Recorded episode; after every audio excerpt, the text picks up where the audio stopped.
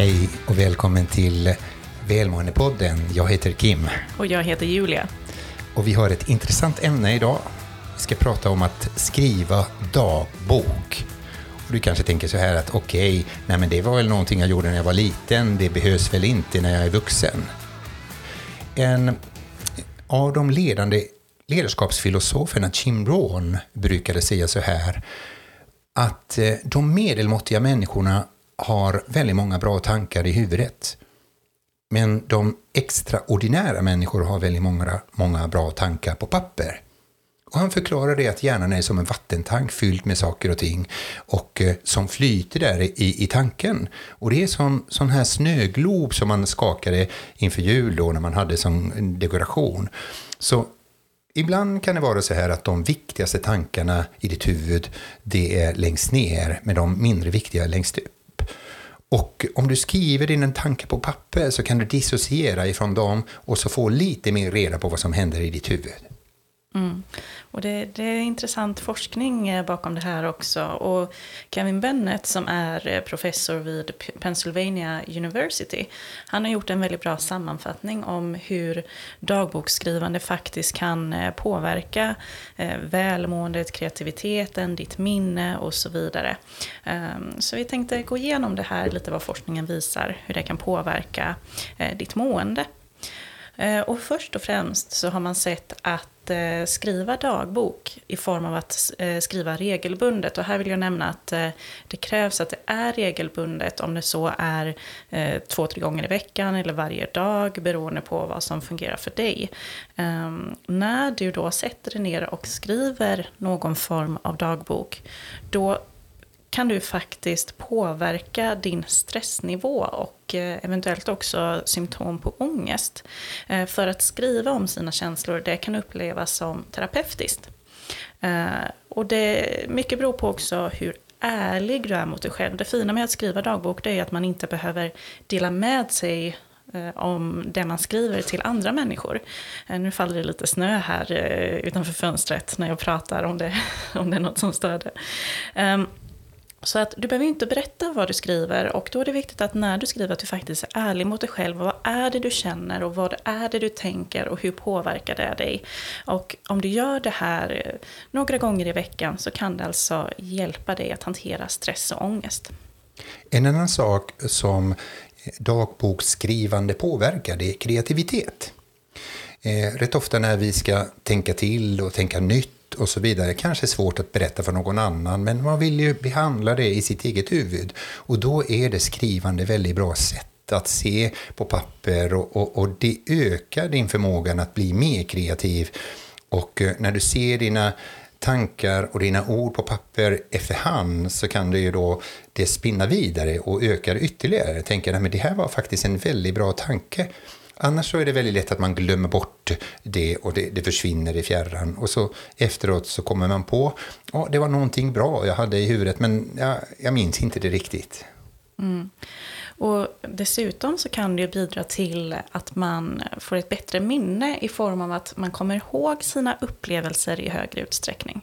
Så att om du dagligen skriver ner vad du har varit med om och vad du har upplevt, då ökar du chansen att din hjärna faktiskt också plockar upp det här så att du kan komma ihåg vad är det du varit med om och eh, speciellt då goda händelser som har skett i ditt liv. Kanske eh, födelsedagsfirande och berätta vad var det, vilka var där och hur firade vi den här personen och så vidare. Och om du inte skriver ner det, då finns det ju risken att du längre fram inte kommer ihåg exakt vad det var som hände. Men när du skriver ner det och sen kanske du läser om den här dagen igen, då får du ju uppleva den här fantastiska upplevelsen ännu en gång. Och en fjärde sak som dagboksskrivande påverkar, det är vår självmedvetenhet. Vi pratar i dagarna väldigt mycket om mindfulness och vara närvarande och också studera sig själv, vilket jag ofta tjatar om att man ska studera sig själv med blida ögon. Men när du skriver dagbok så är det faktiskt det ökar din förmåga att se dig själv, hur du tänker och hur du agerar och hur du reagerar på saker och ting. Och på tal om hur du reagerar på saker och ting och också koppla an lite till den första punkten som jag sa, det här med stress och ångest. Så har man sett i forskningen att eh, dagboks, dagboksskrivande kan öka din mentala hälsa och ditt välmående. Bland annat i form att det kan minska symptom på depression och depressiva symptom. Eh, så när du väl skriver om dina känslor så kan du lära dig mer om dina känslor. Vilket gör att du enklare kan processa dem och hitta de här sätten på, först och främst hur accepterar jag mina känslor, men också hur hanterar jag dem. Eh, och att genom att uppleva känslan, då minskar också risken för att du längre fram ska reagera på känslan i form av negativt beteende mot andra människor till exempel. Och eh, en sak till som dagboksskrivande eh, ökar, det är motivation. När du skriver ner dina eh, mål och dina, din strävan efter någonting och så vidare så är det faktiskt rätt fantastiskt hur hjärnan fungerar. Det blir som, en, som ett commitment för, för, för det du ska åstadkomma. Det blir som en, verkligen en underskrift på att det här ska jag göra. Vi har ju ett program som vi eh, tränar ledare med som heter Ledarskapsarenan. Och där varje eh, modul avslutas med min avsikt. För att eh, eh, vad forskningen har visat då, när du skriver ner det vad du ska åstadkomma, då så höjs din motivation och du tänker att nu har jag signat upp för det här. Eh, det har blivit lite mer commitment. Eh, så det är väldigt intressant eh, eh faktor då, liksom. skriv ner dina mål. Skriv. Och eh, dessutom, på tal om mål, så kan ditt dagboksskrivande hjälpa dig att få den här känslan och eh, insikten om att du faktiskt uppnår dina mål. Och att du uppnår saker varje dag, att det, du lyckas utföra saker som är viktiga för dig. Eh, I och med att när du skriver då påminner du dig själv om vad det är du har gjort och vad det är du har klarat av. Eh, och du får repetera de här upplevelserna, vilket i sig då också kan öka dina positiva känslor. Och du får en insikt eh, kring hur du själv fungerar, vilket gör att du också kan växa som människa. Och nästa sak som dagboksskrivande eh, hjälper dig med, det är stärker dina relationer. Och det låter väldigt konstigt för att det, det, det borde ju vara mina telefonsamtal eller mina livesamtal eh, med en, en kopp kaffe och så vidare. Men faktiskt när du skriver ner vad som har hänt under dagen, de människor du, du har mött eller de människor som, som du har i din närhet som du älskar eller som älskar dig, så höjer du din Eh, eh, förmåga att bibehålla och skapa nya relationer. Eh, när du skriver ner vad dina relationer betyder för dig och eh, några saker om just dessa människor. Och eh, det är rätt ofta när du tar papper och anteckningsbok och så vidare, skriver om din gamla faster eller din syster eller, eller din granne eller din vän och så vidare. Så så nästa gång när du träffar den personen eller kommer i kontakt med så, så höjs din förmåga att, att eh, se vad viktigt den här relationen är för dig. Mm.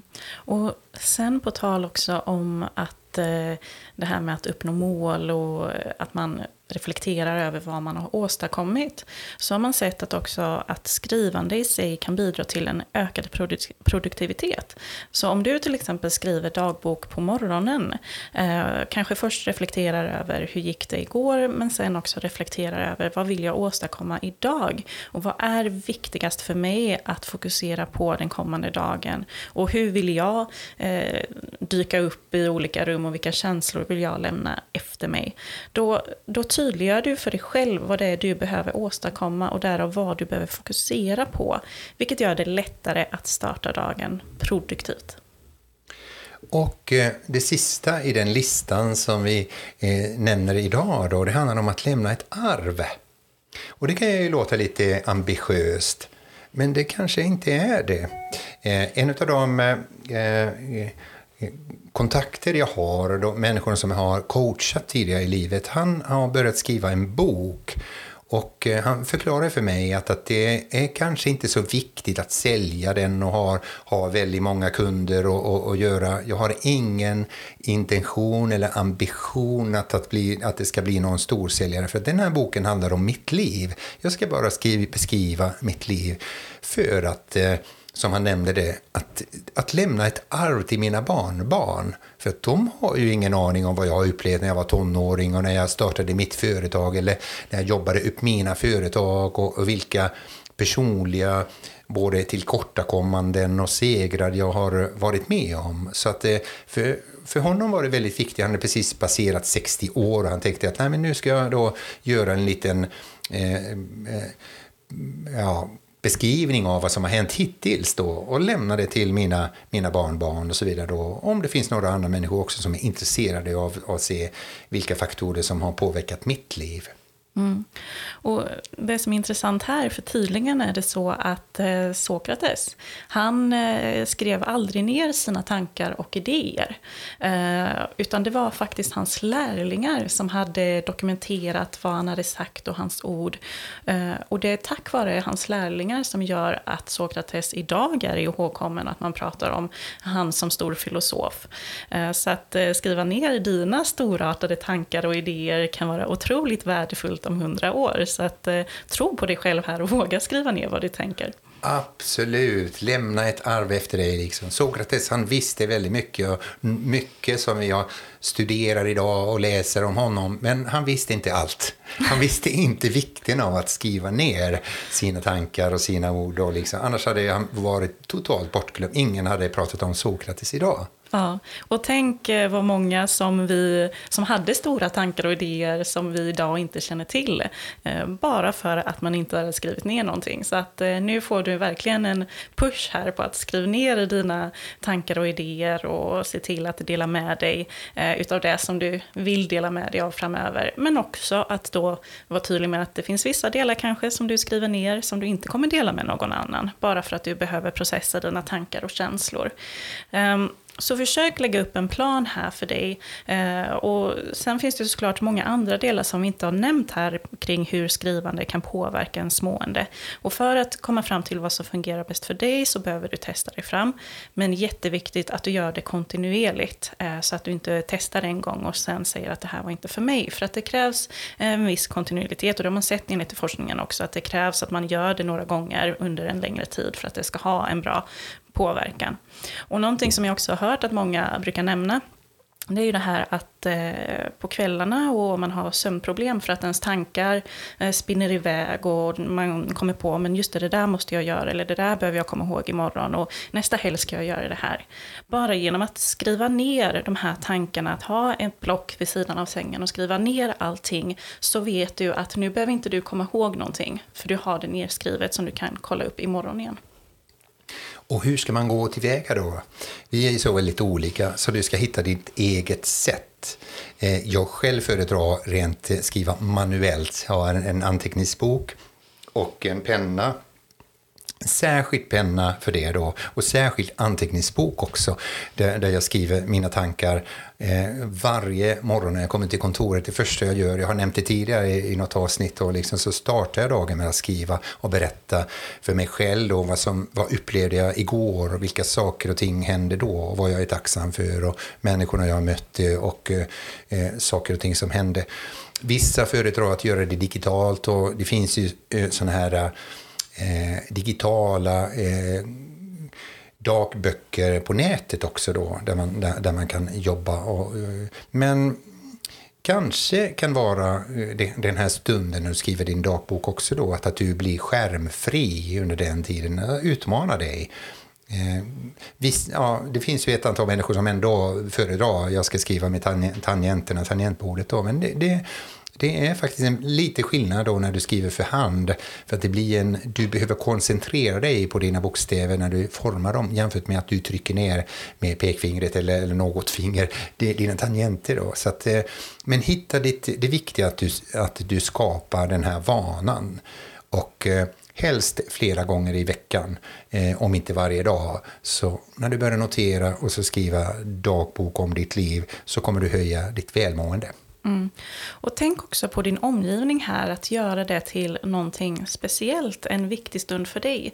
Eh, så om du är hemma till exempel, eh, kanske ska du sätta på någon klassisk musik, eller det finns en sån här eh, lugn ambience-musik som man kan sätta på på YouTube till exempel, kan jag tipsa om att söka på. Så att det blir en härlig stämning, kanske tända något doftljus, koka en kopp te och verkligen ta den här stunden för dig.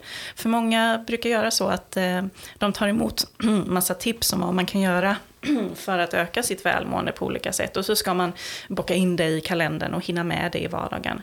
Men se till att verkligen bort med allt annat och ta en stund bara för dig. Eh, oavsett om det är fem minuter eller tio minuter eller en halvtimme. Se till att det blir något speciellt och betydelsefullt. Där var det lite tips eh, för dig när det gäller dagboksskrivande. Lägg inte ribban för högt. Det ska inte vara en halv roman varje gång du tar på för att det är väldigt stor risk att det inte blir en vana utan börja med lite smått. Det viktiga är att du skapar en vana där. Precis. Och följ oss jättegärna på Instagram och Facebook. Vi heter Välmåendepodden. Du hittar länkar i avsnittsbeskrivningen här. Eh, och Skicka in frågor och tankar och kommentarer som du har så ser vi till att lyfta dem i podden framöver.